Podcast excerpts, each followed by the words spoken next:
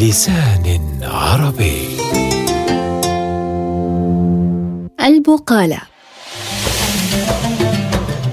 كلما زار الشهر الكريم المغرب العربي جلب معه عادات أصيلة وموروثات ثقافية والعابا شعبية تزين أيامه وسهراته. وفي مقدمة هذه الموروثات لعبة البقالة. اللعبة الأكثر شعبية بين النسوة في دول المغرب العربي. كانت السهرات الرمضانية لا تخلو من لعبة البقالة حيث يتفنن النساء في ابتكار أحكام وأمثال شعبية بلهجتنا المغاربية التي كانت في مجملها تدور حول الفأل الحسن الحلم والأمل بين النسوة ولا سيما العازبات منهن. فالبقالة أو التقصيرة تقليد شعبي مغاربي قديم النشأة يقال إنه ظهر في العهد الفينيقي. استمدت اسمها من الكلمة الأمازيغية بقال وهو عبارة عن إناء طيني مصنوع من الفخار لشرب الماء أو الحليب. لا تزال تستخدمهن النسوة أثناء ممارستهن لهذه اللعبة بعد أن يتم ملؤه بالقليل من الماء ويرفق بالكانون أو النافخ وهو نوع من الأواني الطينية المخصصة للبخور. يستعمل للتبخير بكل أنواع البخور.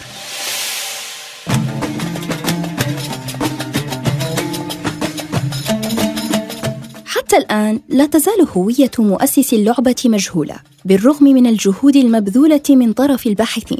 ففي الجزائر مثلاً كان أول من اهتم بلعبة البقالة من حيث تتبع تاريخها والغوص في أعماقها هو الباحث الجزائري قدور محمصاجي المنحدر من الأسر الجزائرية العريقة التي تربت وترعرعت في قلب القصبة العتيقة. أعد محمصاجي حصصا كثيرة حول هذه اللعبة في الإذاعة الجزائرية مطلع السبعينات إلى الثمانينات.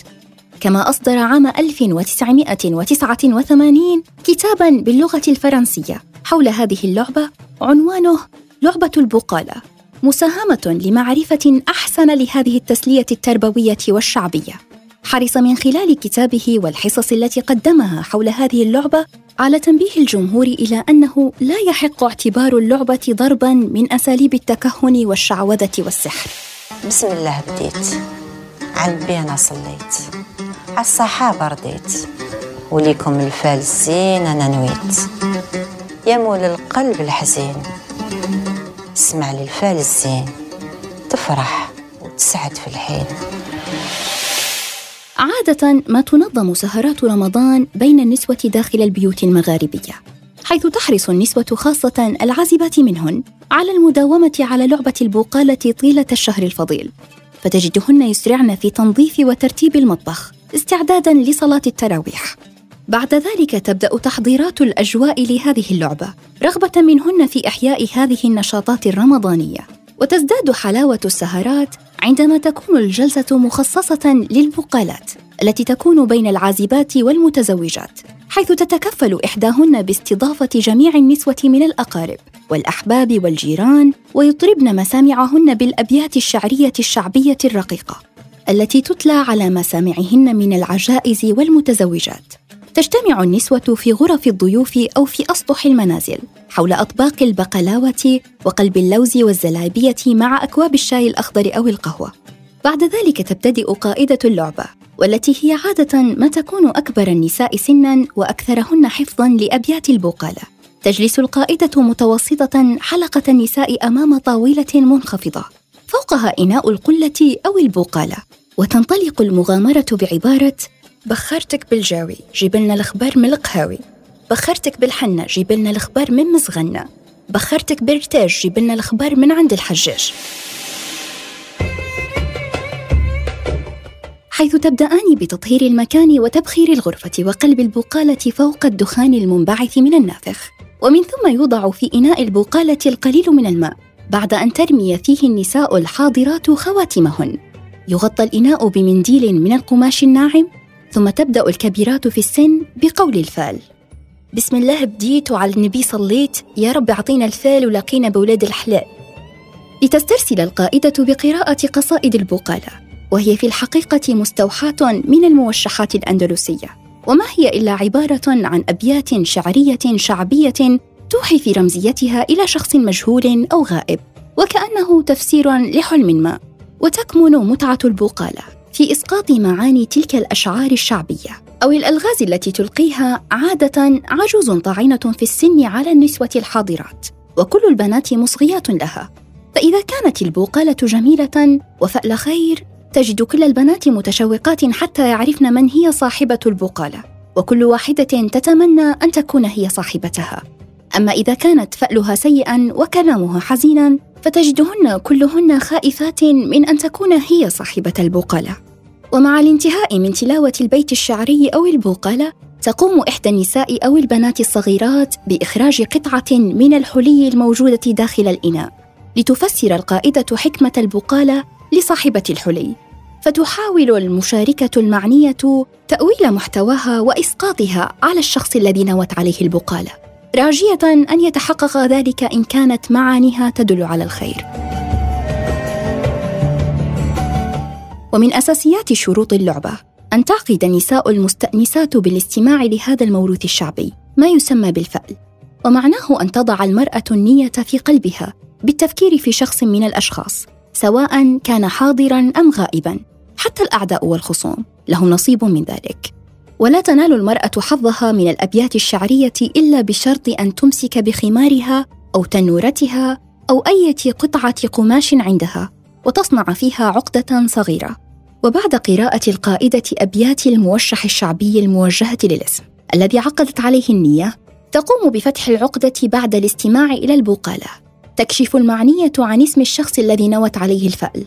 إن أرادت ذلك بقولها عقدت على فلان أو عقدت على فلانة. بركاك يا قلبي من البكا. واضحك لزمانك وافرح بشير الخير طلعت. وربي راد اللي كان راح. حراير ومسجونين خير منهم سيد الملاح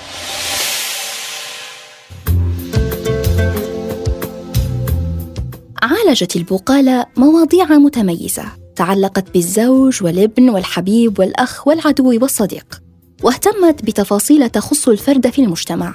تحاكي فيهم العاطفة والأحاسيس كما تخاطب الإنسانية والدين وشخصياته. لكنها لم تخرج عن سياقها المتعارف عليه في أحيائنا الشعبية في المدن المغاربية والموشحات الأندلسية التي توارثتها الأجيال.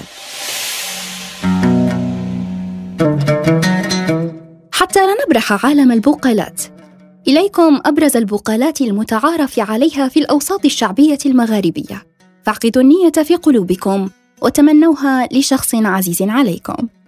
بسم الله بديت وعن النبي صليت وعلى الصحابة ترضيت وعيطت يا خالقي يا مغيث كل مغيث يا رب اسمه العالي عن الناس السامعين هذه البقالة نويت. القعدة قعدتنا واللمة لمتنا اللي حبنا نحبه واللي ما يحبناش ما نسال عليه. قعدتنا زينة فيها الأحباب ونساب والبراني يقعد زاه قدام الباب. قعدتنا مبروكة سعيدة فريدة مالها عنيدة. بسم الله بديت وعالنبي صليت وعليك يا الزينة هذه البقالة نويت الزينة يا الزينة والزين ربي عطاك طبيعتك حنينة وكحل العين واتاك وردة في جنينة في يد اللي خذاك يحفظك من العوينة ويخلي لك اللي رباك. بسم الله بديت وعالنبي صليت وعن الناس العزيزة هذه البقالة نويت. الشمعة يا الشمعة يا الضوايا لو كان نعرف وش بيك نمسح هذيك الدمعة من خديك ونرد وجهك مراية يا ربي يا معبود اقبل دعايا يرجع لي زهو الزمان ويعيا الحبيب قاعد معايا. بسم الله بديت وعالنبي صليت وعلى ليلة النساء هذه البقالة نويت. لالا يا لالا يا ريش النعام يلي مربية في القطيفة ورخام ملي شفتك وعشقتك ما بقى لي منام. بسم الله بديت وعالنبي صليت وعليك هادي البقالة نويت. اسمعني يا حمام طير لا ترتاح وانزل فوق السطح العالي وفوق شجر التفاح. روح لحبيبتي بنت الناس الملاح قولها قلبي حصل عندك وما لقيت له مفتاح.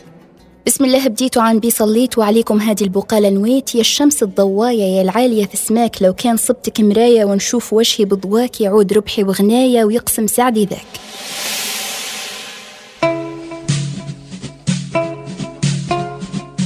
هذه كانت عادات وتقاليد الناس زمانا. أما الآن وبالرغم من حفاظ البقالة على متنها اللغوي وصياغتها الشعبية إلا أنها لم تعد كالسابق. فقد غيبت عن تلك السهرات الرمضانية وأصبحت النسوة تكتفي بالاستماع إليها من خلال الحصص الإذاعية المحلية أو في الأعراس فقط وصارت تنحصر كذلك عند بعض البيوت الشعبية التي ما زالت تحافظ على نكهة التقاليد المغاربية وحماية هذا الموروث الشعبي من الاندثار بأية طريقة كانت.